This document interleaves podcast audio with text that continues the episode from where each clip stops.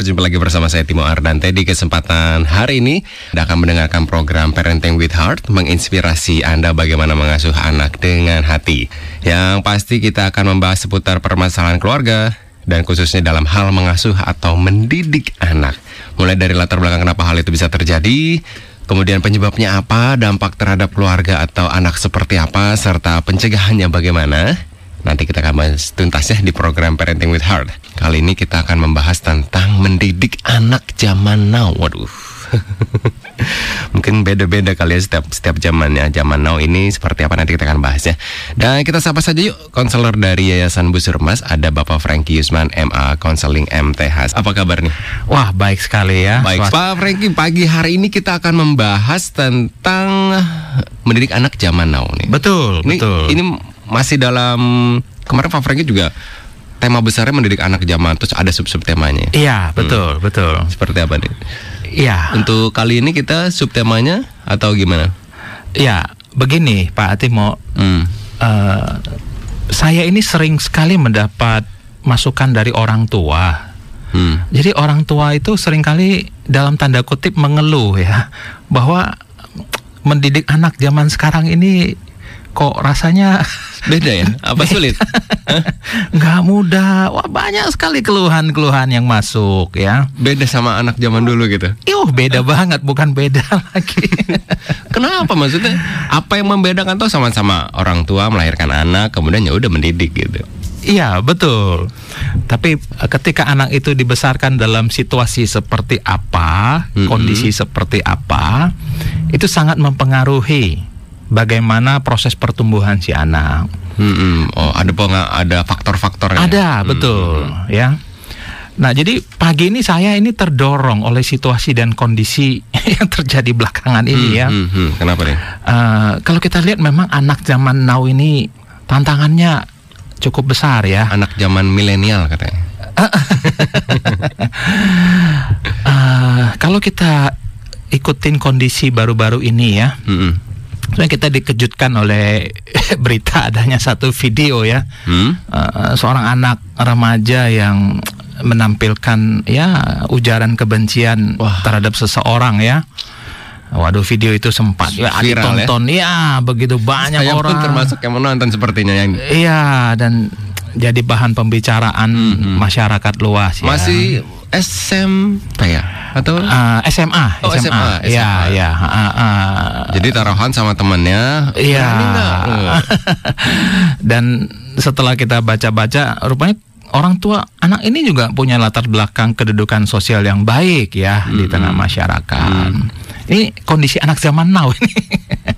di mana kebutuhan materi semua terpenuhi terpenuhi, Iya. terpenuhi semua. mau apa aja pasti ada kan ya Ada lengkap. tapi ternyata anaknya yang malah waduh bertingkah Iya. Dalam tanda kutip.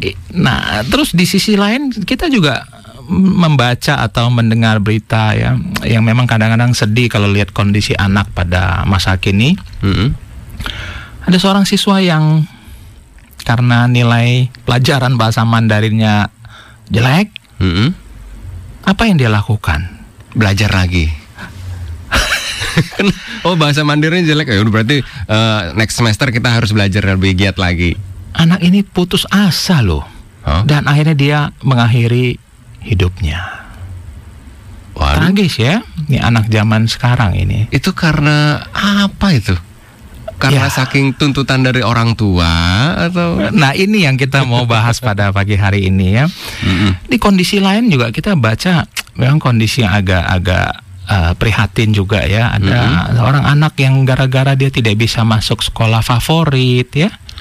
Akhirnya Oh. dia mengambil keputusan untuk bunuh diri. Wah. siswi SMP ya di Blitar kemarin ya. Iya, betul Si sekali. Ep- inisial EPA Betul, itu. betul, betul. Hmm.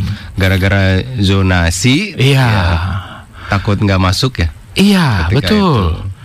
Belum lagi saya sendiri banyak sekali mendapat masukan dari para orang tua tentang anak zaman sekarang masalah gadget, masalah games, masalah media sosial Hmm, ya. hmm. Jadi beginilah kondisi anak zaman now yang memang berbeda ya kalau pada era Pak Timo sama saya jadi anak kecil.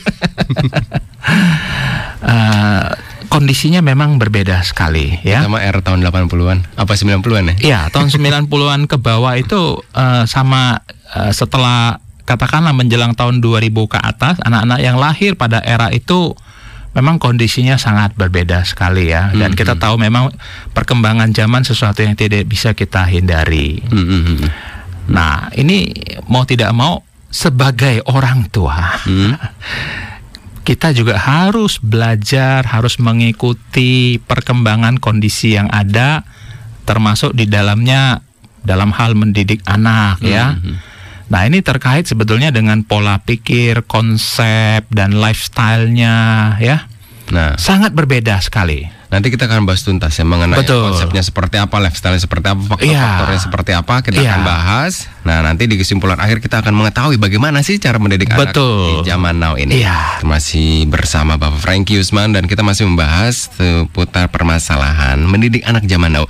Ya, Pak Frankie, Ya, eh, ternyata setiap generasi berbeda 90-an, 70-an, betul. 80-an, tahun Betul 2000. sekali. Iya. Seperti apa sih perbedaannya tuh Pak Frankie?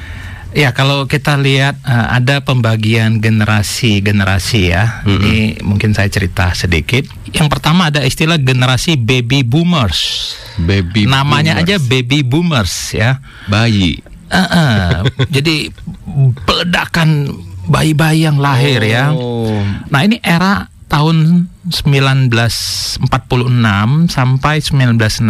Wah, belum lahir saya Pak. Oh, belum lahir. Itu Nah. Indonesia baru merdeka itu. Ya betul.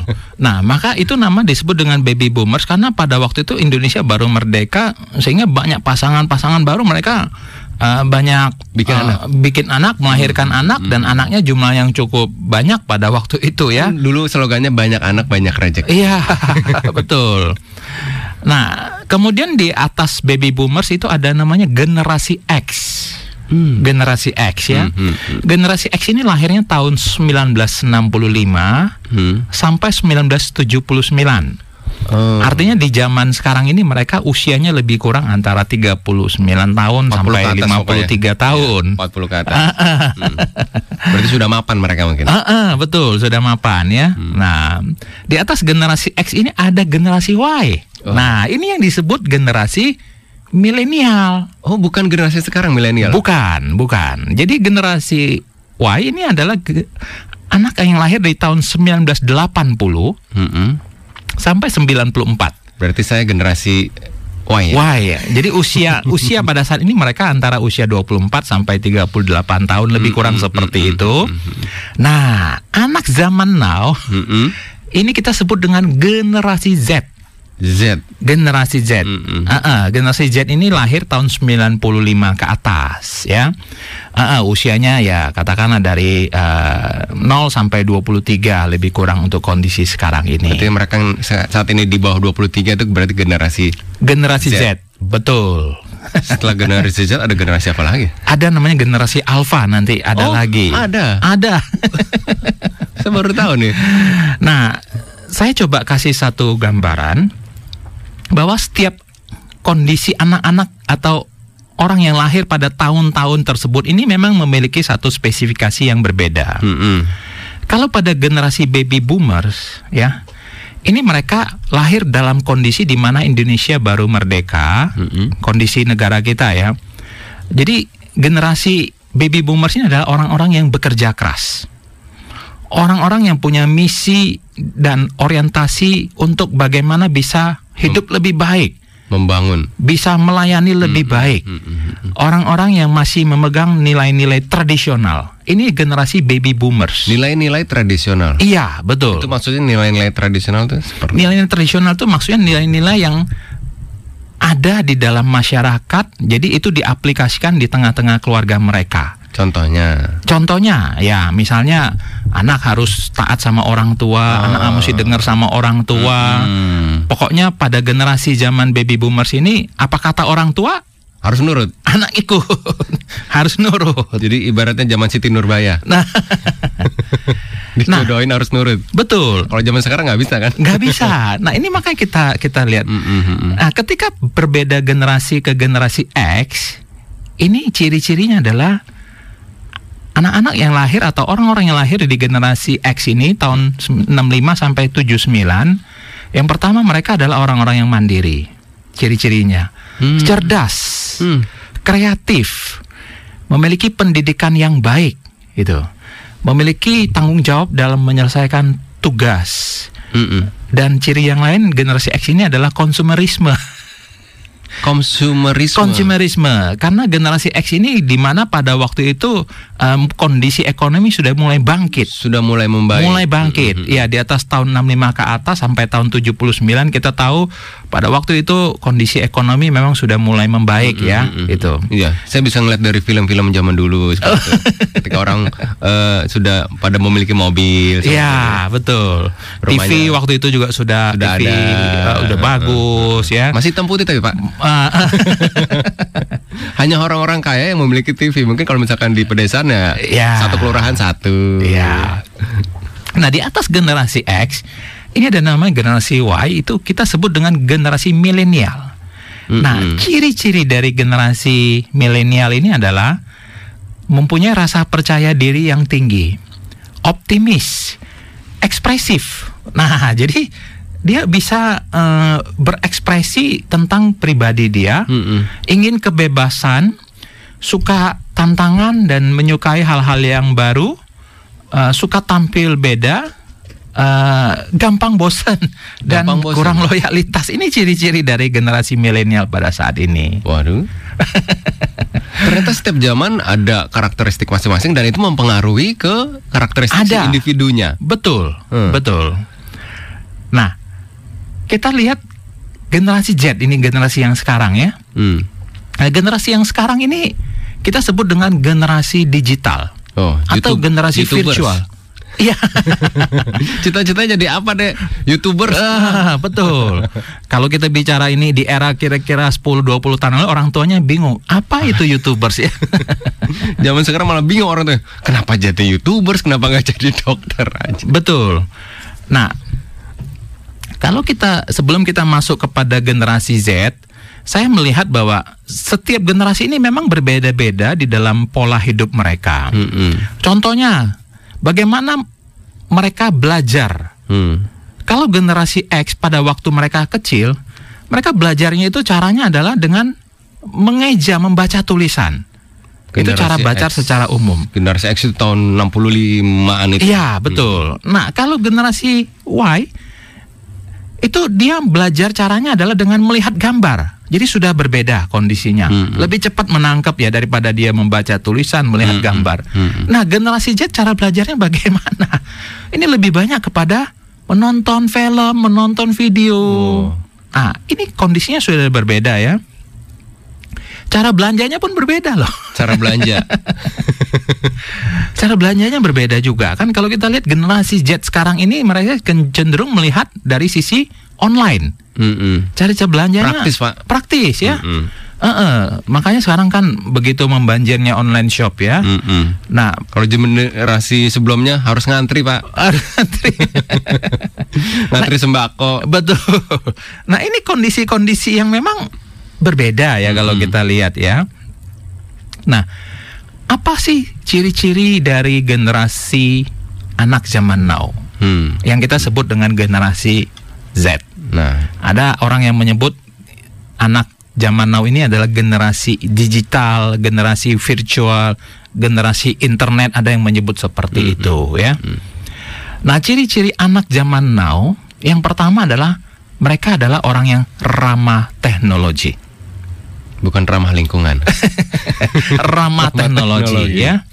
Mungkin Pak Timo pernah terima ada satu video klip singkat ada seorang anak begitu lahir dia bisa uh, mengambil gadget dari dokternya Nah, loh. kemudian dia dia bisa operate itu itu satu ilustrasi oh, ya. ilustrasi. Iya. Saya pikir beneran pak. Saya udah kaget aja. Nah, anak-anak yang lahir di zaman generasi Z ini mereka memang sangat ahli, sangat pinter, sangat menguasai teknologi. iya, anak saya juga udah ahli pak. Betul. Dibanding orang tuanya. Iya, eh, saya percaya banyak orang tua sekarang kalau mau menanya gadget, mau nanya tentang iya. Ini aplikasi ini bagaimana ini? tanyanya ke siapa? anak pak ke anaknya, betul. Jadi bukan ke orang tua lagi bukan. yang pertama mereka adalah orang yang ramah teknologi, menguasai Ramah teknologi. teknologi. Ya. Mm-mm. Nah, generasi Z ini juga orang yang multitasking. bagus dong pak bisa Ah, semuanya ini pak multitasking loh susah loh pak Iya, jadi mereka kadang-kadang bisa sambil berjalan, bisa sambil ketik handphone, hmm. ya. Sambil ketik nanti dia bisa sambil nonton di di di gadgetnya. jadi satu pekerjaan waktu yang bersamaan bisa melakukan beberapa pekerjaan Iya, gitu. iya, iya. Jadi anak zaman sekarang memang luar biasa sekali. berarti otaknya udah berkembang dong pak Saat- dalam waktu yang sama bisa mengerjakan berbagai pekerjaan iya, saya atau ingat itu nggak fokus nantinya pak eh, memang kondisi seperti itu ya. Jadi menuntut mereka harus melakukan sesuatu hal bersamaan dalam kondisi beberapa kegiatan. Saya ingat waktu saya masih kecil Mm-mm. belajar, eh, saya nggak bisa dengar musik. Saya nggak bisa diganggu oleh hal-hal yang lain. Jadi saya harus belajar fokus. Harus- eh, fokus tidak ada suara yang lain Tidak ada suara lain. Anda harus belajar di perpustakaan itu Tapi hari ini ketika saya lihat anak saya belajar, Mm-mm. itu sudah berbeda kondisinya. usia berapa pak anak bapak Anak saya usianya ya lebih kurang sekitar 18 tahun. 18 tahun Nah, dia sambil baca, dia bisa sambil dengar musik. Atau memang harus denger musik biar masuk Ambil musik terus kadang ya tangannya bisa lakukan hal-hal yang lain gitu loh. Mhm, Nah, ini benar-benar anak sekarang bisa multitasking. Berbeda lah pada waktu kita Pak itu Timo mungkin juga saya. pengaruh gizi kak beda kan gizi zaman dulu sama gizi zaman Oh ya sekarang. bisa, bisa. Kalau makanan sekarang kan nilai nutrisinya luar biasa ya. Mhm. Nah, ciri yang lain adalah anak sekarang itu ekspresif.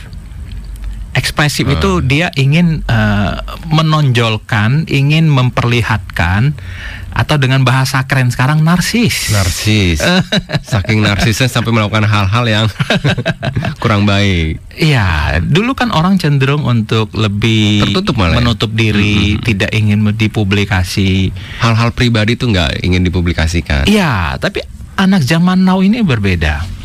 Mereka ingin mendapat perhatian dari teman-teman. Hmm, hmm. Mereka ingin apa yang dia lakukan itu bisa diketahui orang lain. itu Nah. itu tuntutan zaman atau memang didikan atau Eh, tren, kecenderungan, Tren, kecenderungan. seperti itu. Jadi Iya. ketika anak itu tidak melakukan hal itu merasa kok saya kurang betul, bergaul betul, itu. betul. Hmm. Eh, sederhana aja kita contoh misalnya kadang-kadang ada eh, anak yang update status ya. Tiap berapa menit waduh dia bisa update status. Lagi foto di Instagram Mau Instagram makan di foto dulu. ah di foto dulu Hmm. ya.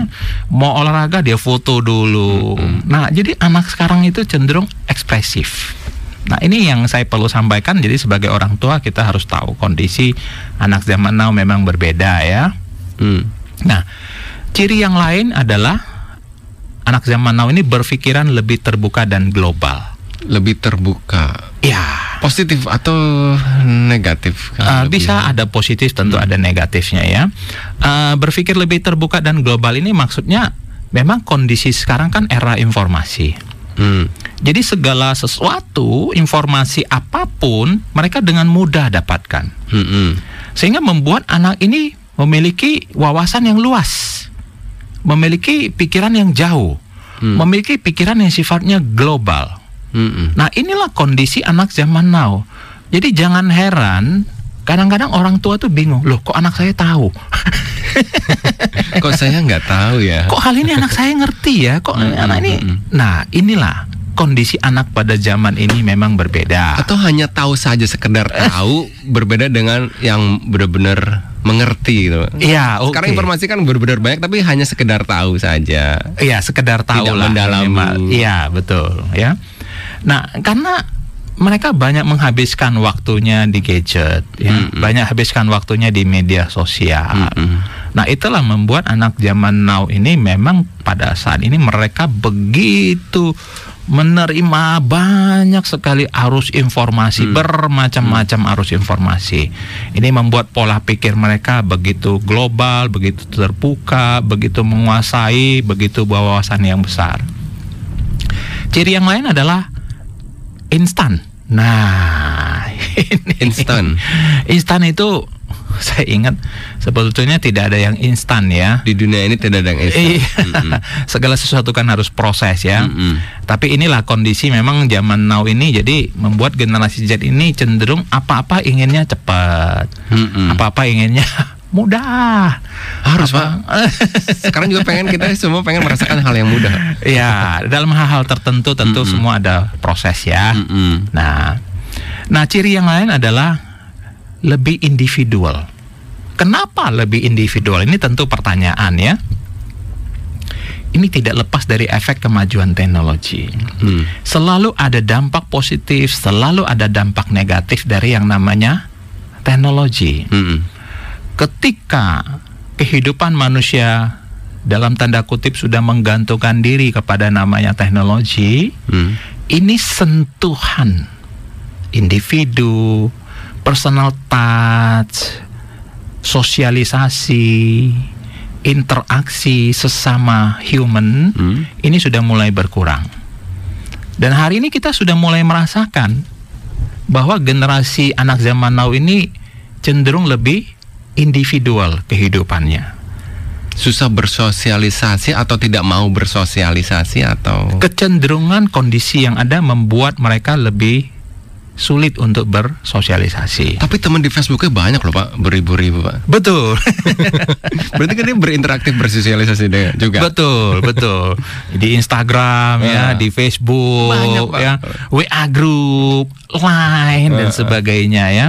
Nah, itulah pertemuan di, di, dunia maya dunia maya, betul. aktualnya di dunia nyata mungkin Nah, di sini padahal sebetulnya setiap manusia, setiap anak itu membutuh membutuhkan kehidupan sosial. kehidupan sosial Setiap anak itu membutuhkan kehidupan sosial. untuk apa pak seorang Kita anak? bisa melihat pertumbuhan yang normal dari seorang anak Hmm. ketika kebutuhan sosialnya tercukupi. kebutuhan sosial itu seperti apa tuh? Seperti apa? Nah, dia perlu bergaul. Dia perlu memiliki teman. Mm-mm. Dia perlu bisa berinteraksi satu dengan yang lain. Kita itu adalah manusia, makhluk sosial. Makhluk sosial. Nah, yang terjadi selama ini interaksinya yang Pak bilang ada ribuan loh. Tapi di mana? di dunia maya pak Di dunia maya. itu berbedakah dengan di dunia Oh, sangat berbeda sekali. dampaknya atau Sangat berbeda sekali, ya. Eh, sentuhan manusia dengan sentuhan teknologi itu berbeda sekali, ya. meskipun sama-sama berinteraktif gitu pak Betul, Hmm. betul. Hmm.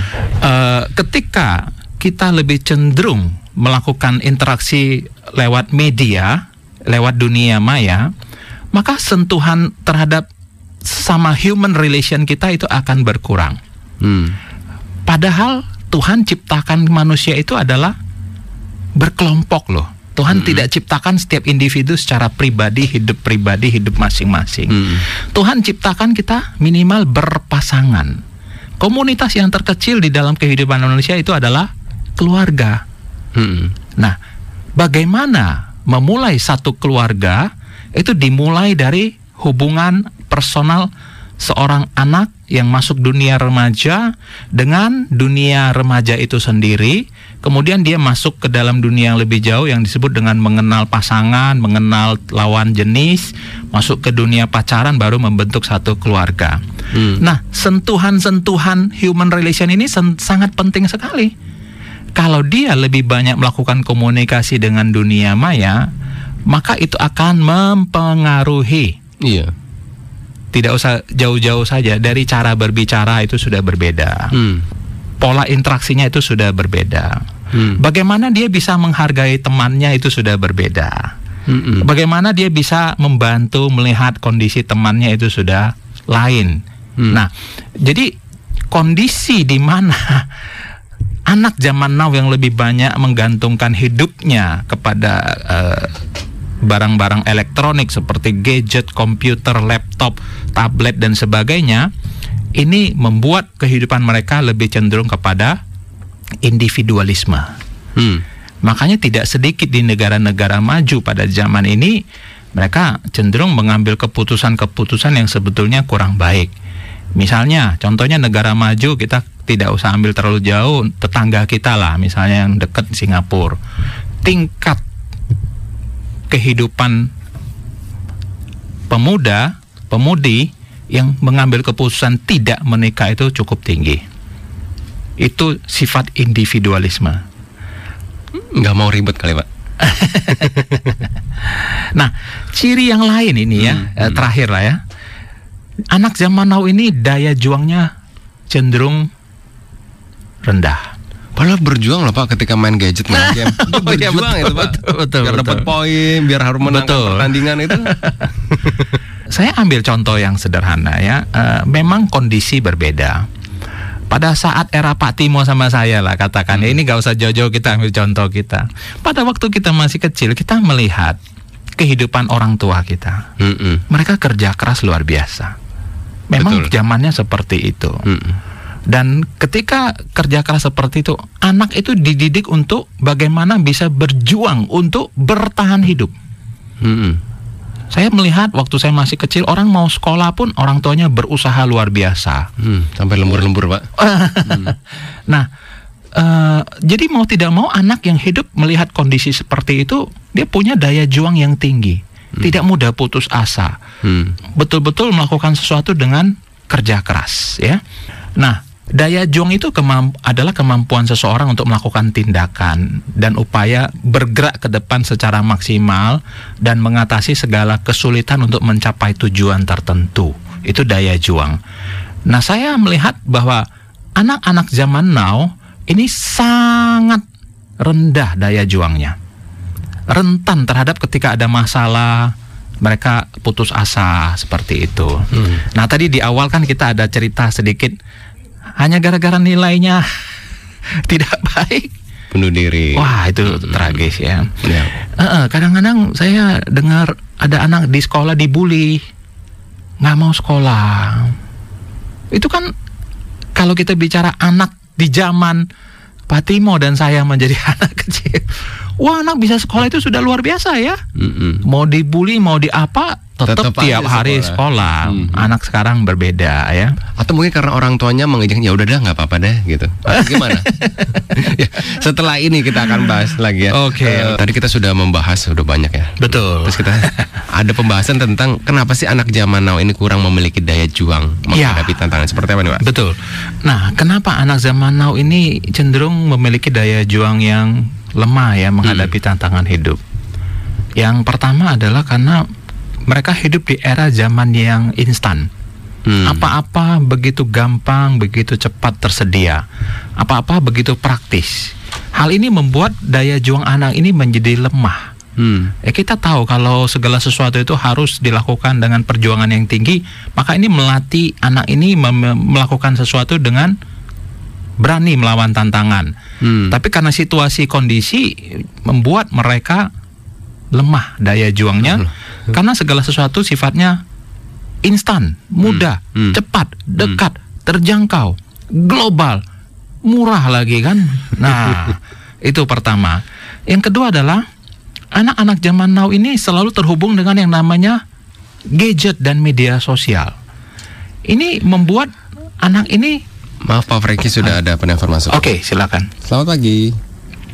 Selamat pagi, Shalom. Shalom. Dengan siapa ini Ibu? Ya, eh, terima kasih ya Pak. Tiap hari Sabtu saya dengerin ini ya selain Oh, terima Oh, kasih. ini Eh, Ibu Nancy. setuju apa yang Bapak ngomong. Hmm. Di era zaman ini anak-anak memang susah diatur. Tapi jangan salahkan anak. Salahkan orang tua. Di saat kita mengandung, walaupun ada problem, memang itu mungkin Tuhan udah taruh.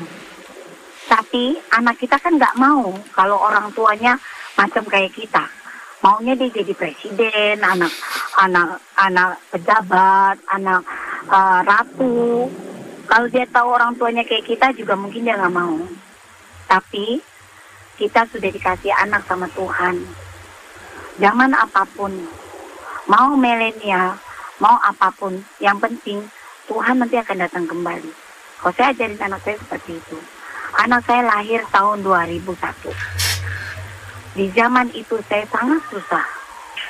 Saya sangat terpuruk. Dan sangat banyak badai. Saya jatuh dari saya jaya. Tapi saya jaya, saya jatuh. Saya tidak melihat kedua orang tua saya. Hidup saya, saya seakan-akan saya tidak terima. Tapi saya tadinya nggak mau merit, tapi apa boleh buat? Saya nggak cinta sama suami saya. Tapi saya berusaha untuk mencintai dia di saat kami punya anak. Itu pun kawin saya terpaksa, Pak. Supaya saya dapat perlindungan. Karena keluarga saya tuh kelihatan semenjak nggak ada orang tua, lulu gua-gua, yang kayak-kayak miskin-miskin. Saat kita jatuh, lebih bagus. Saat kita jaya, saudara saya, gitu. Tapi dengan begitu saya belajar. Saya didik anak saya, nama anak saya Marcelo Immanuel. Sekarang dia sudah, puji Tuhan, Tuhan berkenan 3 Juli dia bisa kuliah di UI. Wah, puji Tuhan, Bu. Ah, Iya, dia lu- lulusan CNI tahun ini. Iya. Ah, nilai rata-ratanya 86,9. Wah, luar biasa Boleh anak Ibu. Anak, ya. Luar biasa anaknya pintar. Amin, Pak. Boleh dibilang anak saya, anak yang dihina saat saya jatuh. Dia sekolah di Kristen. Tapi tidak ada kasih sekolah itu.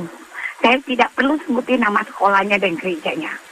Cuma saya bilang sama para ibu-ibu, bapak-bapak, saat anak kita dianiaya, dibully, jangan ucapin apa-apa bilang aja Tuhan sayang sama kamu makanya kamu dikasih seperti ini nanti nak akan ada jawaban dari Tuhan. Sabar ya biarlah penderitaan ini kamu kasih mama. Dulu saya sama suami saya sering bertengkar pak. Iya. tau nggak? Tapi setelah saya bayar harga saya berani jualan di pinggir jalan jualan telur demi anak saya demi demi rumah tangga. Karena saya udah yatim piatu sama sa- siapa saya hidup. Hanya sama Tuhan dan keluarga saya jadi mau tidak mau kita sebagai orang tua zaman apa pun yang penting nanti Tuhan akan datang kali kedua kalinya sebagaimana dia pergi sebagaimana juga dia akan datang saya Iya. ajarin anak saya seperti itu sama Marcel puji Tuhan Iya. Pak. anak saya kuat sekarang Iya. walaupun badai dia dia tanggulangi sendiri bersama saya Iya. tanpa suami baru sekarang sekarang ini saya suami saya ya boleh dibilang bertobat judi enggak apa enggak cuma dia kalau marah pulang kampung malah pulang kampung gitu aja Wah, kampungnya Palembang saya orang Jakarta Iya. tapi saya bersyukur saya bilang sama dia Marcel sudah besar Marcel butuh seorang figur bapak Iya. walaupun kamu jauh Iya. sering-seringlah telepon saya ter- maaf maaf amit amit Tuhan jangan sampai saya nggak nggak lima huruf pak nggak Iya. tapi dia kerja di Palembang Iya. jadi kami nggak apa-apa saya bilang tapi ya puji Tuhan saya hanya ini sharing saya Ya baik Bu, Dan terima kasih sharing yang baik Iya, ya, iya. sharing yang kasih ya, Pak, bagus. ya. Ibu Terima kasih sudah buat- mengajarkan anak Ibu dengan rasa takut akan Tuhan ya. Ya, terima Pak. kasih, Ya, Tuhan saya berkati juga ya Bu. karena sering dengerin Ya, lain, Pak. terima kasih. Ya, makasih Bu. makasih ya. Ah, terima kasih. kasih Ya. Nah itu satu contoh kondisi ya Eh, anak zaman now memang kondisinya berbeda ya. Hmm. Nah ciri-ciri yang lain dari anak zaman now yang kurang memiliki daya juang itu kondisinya adalah karena apa? Karena tidak terlepas dari peran orang tua sebetulnya. Jadi orang tua itu ikut berperan loh membuat anaknya punya daya juang yang lemah. Hmm. Hmm. Ada apa-apa orang tua yang sediakan. Ada apa-apa orang tua yang kerjakan. Tidak sedikit saya lihat ya kadang-kadang kalau ada PR ke rumah siapa yang kerjakan PR itu? Papa, mama. iya orang tuanya. Bukan Nah, anaknya. Ini membuat daya juang anak lemah Hmm, sekali. Itu contoh kecil ya. Ah, itu contoh kecil dan praktis ya. Hmm. Eh, orang tua sekarang cenderung kasihan sama anak, tapi tidak kasih dengan anaknya. Kasihan tidak kasih. Iya. Jadi dia kasihan sama anaknya, tapi dia tidak kasih sama anaknya. Kalau kasihan itu tidak mendidik. Hmm. Ya contohnya yang tadi. Wah, kasihan ya dia sekolah capek, dia sekolah banyak tugas. Hmm. Akhirnya karena kasihan orang tuanya lah yang Ngerjakan. ikut terjun ngerjakan. Padahal kasih itu berbeda dengan kasihan. Hmm. Ketika dia kasih sama anaknya, ya, dia biarkan anak itu melakukan hal yang memang tanggung jawab dia. Dan dalam batas-batas tertentu orang tua akan membimbing, Hmm. mendorong, memotivasi, ya, bukan mengerjakan. Itu berbeda ya. Membiarkan adanya tanggung jawabnya. Iya, betul. Nah, lingkungan sosial ini membuat daya juang anak juga kurang. Hmm. Kenapa? Kalau kita lihat kehidupan sekarang banyak memberikan contoh-contoh segala sesuatu itu ya kalau bisa mudah kenapa dipersulit seperti itu membuat mereka daya juangnya tidak ada ya contohnya ketika dia melakukan sesuatu lah bikin sesuatu kalau lewat prosedur tertentu itu harus memiliki kesabaran ya Hmm. Nah, lingkungan solusi tidak menunjukkan contoh-contoh yang baik, apa-apa jalan pintas, apa-apa dengan dalam tanda kutip membayar dan sebagainya ya. Nah, kemudian kemudahan hidup itu juga membuat orang gampang putus asa, gampang menyerah, gampang mengambil jalan pintas. Kemudahan hidup, tapi memang orang ingin hidupnya kan mudah, Pak. Betul, Hmm. betul. Nah, kita sikap kita sebagai orang tua itu Begini, ada bagian-bagian tertentu yang memang harus menjadi tanggung jawab anak. Mm-mm. Jangan diberi kemudahan. jangan diberi kemudahan. Kenapa? Karena memproses pertumbuhan seorang anak, ketika anak itu berjuang melakukan sesuatu, itu akan membentuk karakter dan kekuatan anak Hmm. ini. Hmm. Kalau anak ini diberikan kemudahan, dibantu selalu, ya, ini tidak akan membentuk sifat dan karakter anak ini. Mm-mm. Ketika kelak dia dewasa, apa yang dia terima ketika dia masih kecil, ketika dia masih remaja, itulah yang akan dia terapkan di dalam kehidupannya. Karena pada waktu kecil apa-apa diberi kemudahan, nanti besar juga dia lakukan, akan lakukan hal yang sama. Hmm. Hmm. Dia akan praktekkan kembali. Ke anaknya. Daya juangnya itu lemah. Dan yang lebih masalah ketika menghadapi kesulitan Hmm. ketika menghadapi problem, ketika menghadapi kekecewaan, ya anak ini tidak bisa hadapi dengan baik. Mungkin ibaratnya ada IQ-nya oke, Uh-uh. tapi EQ-nya mungkin Betul. Nah, sekarang kan banyak sekali pakar mengatakan eh, EQ itu lebih penting daripada IQ. IQ. Betul. Bagaimana menciptakan kestabilan emosinya, Hmm. kesabarannya. Ketika dia dibully, dia bisa sabar. Ketika dia dicaci maki misalnya ya, Hmm. ketika dia eh, media sosialnya ketika di delete misalnya, wah itu bagi seorang anak itu satu big problem ya. nah ini yang Bisa ya? mengajarkan ya, Hmm. bagaimana dia harus belajar dengan daya juang yang tinggi melalui proses-proses tahapan kehidupan ini. Mm-mm. Sebetulnya itu yang harus orang tua pahami. Hmm. Itu. Nah, itu kira-kira yang menyebabkan kenapa anak zaman now ini kurang memiliki daya juang ya. Nah, ketika sudah mengetahui penyebabnya, nah bagaimana nih Pak? Nah, ini bagian akhir selalu bagian yang penting. Bagaimana caranya Pak? Nah, kalau kita bicara bagaimana mendidik anak zaman now, ada beberapa hal yang saya ingin eh, sampaikan kepada kita semuanya. Yang pertama, di zaman ini jadikan anak itu sebagai sahabat. Hmm. as a friend. Nah, kenapa? Ini tentu ketika anak ini dalam tahap usia remaja ke atas ya. Kalau ketika dia masih usia Balita. balita, balita itu treatmentnya berbeda. Mhm. Nah, ketika anak ini sudah dalam usia kapasitas remaja ke atas, orang tua berusaha untuk menjadikan anak ini sebagai sahabat. Anak-anak zaman now ini adalah anak-anak yang sangat kritis. Anak-anak yang dipenuhi oleh banyak informasi, wawasan dan pengetahuan. Kadang-kadang ingin menjadi sahabat, tapi orang tuanya sibuk bekerja Pak. Nah, inilah yang terjadi. Gimana itu? Inilah yang terjadi ya. Ada satu poin yang nanti saya akan bahas juga Hmm. masalah itu. Jadi eh, kenapa kita harus menjadikan anak sebagai sahabat? Karena anak ini kan dia butuh di mana pendapat-pendapatnya itu bisa dihargai, diterima oleh orang tuanya Didengarkan. didengarkan ya. Jadi orang tua harus banyak bicara dengan anak, diskusi dengan anak, minta pendapat dari anak, Hmm. ya. Nah, ingat sebagai orang tua menghindari untuk memberikan perintah kepada anak, memberikan kuliah kepada anak.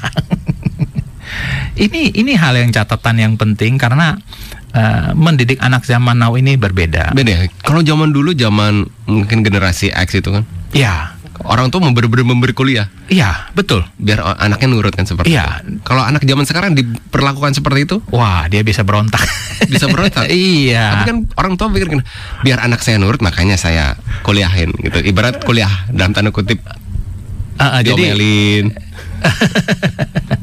treatmentnya berbeda ya. Beda. Jadi Hmm. anak zaman now memang eh, orang tua harus mengerti kondisi lebih cenderung anak itu dijadikan sebagai mitra, sebagai teman, sebagai Hmm. sahabat untuk diskusi, untuk bicara. Jadi ketika anak itu misalnya permintaannya tidak dipenuhi oleh orang tua, orang tua harus jelaskan alasannya apa. Kalau zaman dulu nggak perlu, Pak. Oh kalau zaman dulu otoriter ya. Otoriter. Zaman sekarang harus dijelaskan itu. Nah ini ini berbeda. Jadi bagaimana mendidik aman anak zaman now kondisinya memang harus seperti itu. Yang kedua adalah latihlah anak kita berjuang menghadapi tantangan hidup. Latih. Bagaimana ya? Nah, ketika ada kesulitan hidup, sampaikan kepada anak dan ajar anak untuk bisa mengerti menerima apa kondisi daripada orang tua atau keluarganya. Hmm. Saya ambil contoh begini, ya. Eh, Saya ada seorang teman, anaknya minta beli handphone. Hmm. Oh, orang tuanya bilang, "Eh, kamu kan tahu, sekarang papa lagi nggak ada uang. Hmm. Eh, dah, uang jajan yang papa kasih kamu juga tabung. Hmm. Kamu ada berapa? Nanti papa juga akan bantu." Hmm. Ini salah satu pelajaran yang baik mendidik anak Hmm. supaya dia ada tanggung jawab juga. Hmm. Jadi karena anak ini ingin beli handphone, dia berusaha tabung dari uang jajannya. Hmm. Dan orang tuanya juga memang berusaha untuk mencari supaya sampai uangnya cukup mereka bisa beli. Hmm. Nah, ini mengajarkan kepada anak harus berjuang. Harus berjuang, harus sabar ya. Iya. Tunggu THR papa nanti Ah. cair. Nah, ajar anak itu punya tanggung jawab juga, hmm. ya. Misalnya eh, ada anak yang sulung punya adik misalnya. Ketika orang tuanya pergi, kamu harus jaga adik ya. Ajar anak ini punya tanggung jawab. Punya tanggung jawab. Iya. Jadi ketika dia pulang misalnya, oh, oh semua beres pak, oke gini. Jadi orang tua harus belajar untuk memberikan tanggung jawab kepada Hmm. Hmm. anak. Hmm. Nah, yang tadi yang saya bahas, eh, didik anak itu dengan kasih, bukan dengan kasihan. Kasihan. Hmm. Ya, kasih itu memang harus sabar, harus eh, tanggung jawab, harus kerja keras, harus punya etika yang baik ya. Nah, itu harus diajarkan kepada anak. Bukannya kasihan dengan anak. Hmm. Nah, yang ketiga adalah orang tua harus tahu, harus mengerti di zaman now ini tentang yang namanya gadget, tentang yang namanya media sosial. Orang tua harus tahu. Saya tidak katakan menguasai ya, itu berbeda Hmm. minimal tahu dan mengerti saja ya nah contohnya eh, ketika anak kita ada Facebook apakah kita juga ikut masuk di dalam Facebook tersebut Add friend. ya kenapa tujuannya supaya kita bisa tahu perkembangannya Hmm. kita bisa pantau ya. Mungkin Facebooknya tidak pernah diupdate kali orang tuanya. Hanya ada saja ya. Nah media sosial seperti itu gadget juga. Jadi orang tua perlu sekedar tahu dan mengerti. Dan saya sangat sarankan kepada orang tua tidak memberikan gadget kepada anaknya yang masih kecil. Apalagi masih bayi minimal minimal itu adalah usia SMP ke atas Waduh. baru berikan Justru zaman sekarang pak, balita semua sudah pada megang gadget pak. Eh, saya saya sarankan seperti itu karena sudah ada beberapa eh, penelitian yang mengatakan bahwa eh, anak ketika usia 12 atau 14 tahun ke bawah itu adalah golden time ya di mana otak anak ini masih begitu mudah dibentuk diproses apa yang diterima anak ini ketika dia usia dari 0 sampai 14 tahun ini akan terbawa jangka yang panjang sampai bahkan seumur hidup. Jadi ini seperti fondasi. Hmm. Nah, Kalau ketika dia usia di bawah itu masuk ke ha- handphone masuk, gadget masuk, wah itu begitu banyak informasi yang Bagaimana ya, cara melarangnya pak ya? Karena kadang ketika orang tua saking sibuknya ya udahlah daripada nangis ya lah. komitmen orang tua itu penting. Komitmen orang tua. Ya itu yang saya bilang tadi kasihan dengan kasih itu berbeda. Hmm, hmm, hmm, hmm. Nah, yang keempat poin keempat adalah mendorong anak ikut ambil bagian aktif dalam berbagai komunitas dan kegiatan-kegiatan yang positif, ya. Daripada dia habiskan waktunya setiap hari lihat gadget, lihat media sosial, main game, lebih baik dorong anak lah. Kalau ada komunitas yang positif ya, ya banyak hari-hari banyak sekali kegiatan dan komunitas yang positif sangat banyak sekali. Dan orang tua harus mendorong anaknya untuk ikut ada persekutuan, Iya. ada latihan, ada olahraga ya. Banyak lah, banyak ada hobi ya. Berarti hiduplah di dunia nyata pak, jangan di dunia maya. Good, betul. Yang tadi kita bicara Iya. untuk mengurangi sifat individualisme Mm-mm. itu ya. Jadi dia perlu didorong ya untuk ikut kegiatan ya katakanlah oh komunitas orang-orang yang misalnya kelompok yang bersepeda misalnya oh yang hobi Oh, bukan, berenang bukan komunitas gamer pak. Sama aja.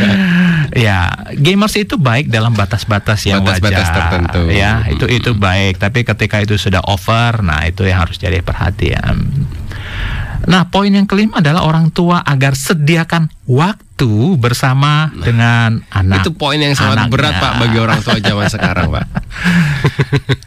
Tadi di awal kita cerita bahwa ada anak yang melakukan tindakan yang tidak baik, sementara orang tuanya memiliki kedudukan sosial yang baik. Hmm. Orang tuanya sibuk, Mm-mm. no time buat anaknya. Hmm. Sibuk bisnis, sibuk kerja, sibuk praktek, sibuk acara. Kan untuk anaknya untuk untuk warisan pak. Pasti orang tuanya berpikir seperti itu.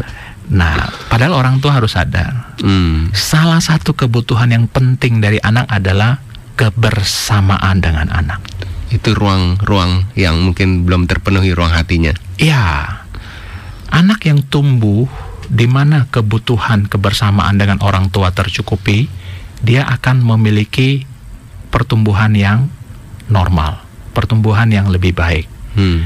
Ketika anak itu tumbuh tanpa memiliki satu kebersamaan dengan orang tua, maka akan terjadi ketidakabnormalan. Contohnya apa? Ada anak yang pinter di sekolah, Hmm. tapi dia tidak bisa bergaul dengan teman-teman yang lain. Hmm. Nah, Kutu buku. iya. Hmm. Nah, ini ini ini contoh. Jadi ini memang jadi satu catatan bersama Pak Timo dan saya dan Hmm. semua pendengar sebagai orang tua bahwa kita perlu waktu bersama Hmm, hmm. dengan orang anak kita. Nih, waktu yang tepat nih liburan pak. Ya, betul. Saat ini udah liburan memasuki liburan nih. Yang keenam adalah orang tua tahu dan mengenal dunia pergaulan anaknya. Hmm. Wah, ini sangat penting loh. Temannya siapa?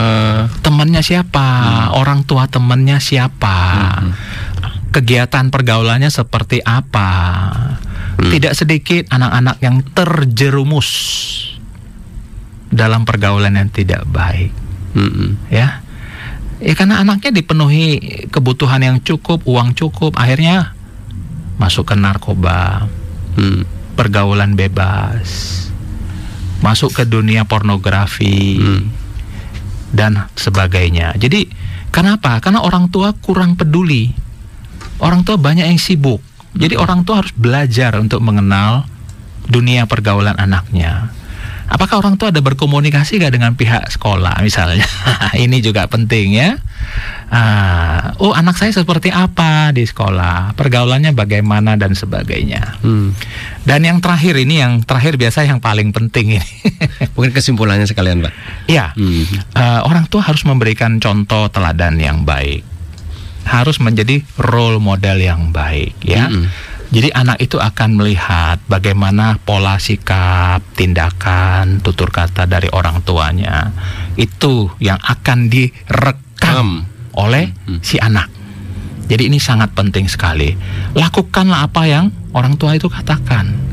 dan katakan apa yang orang tua itu sudah lakukan. Lakukan. Itu Hmm. jauh lebih bermakna, lebih mendalam bagi si anak. Nah, jadi di akhir acara ini kesimpulannya adalah bahwa peran orang tua di dalam mendidik anak zaman now itu sangat penting sekali. Hmm. Jadi tidak bisa dilakukan dengan sebagian setengah part time. Orang tua harus Full. full heart dan full time.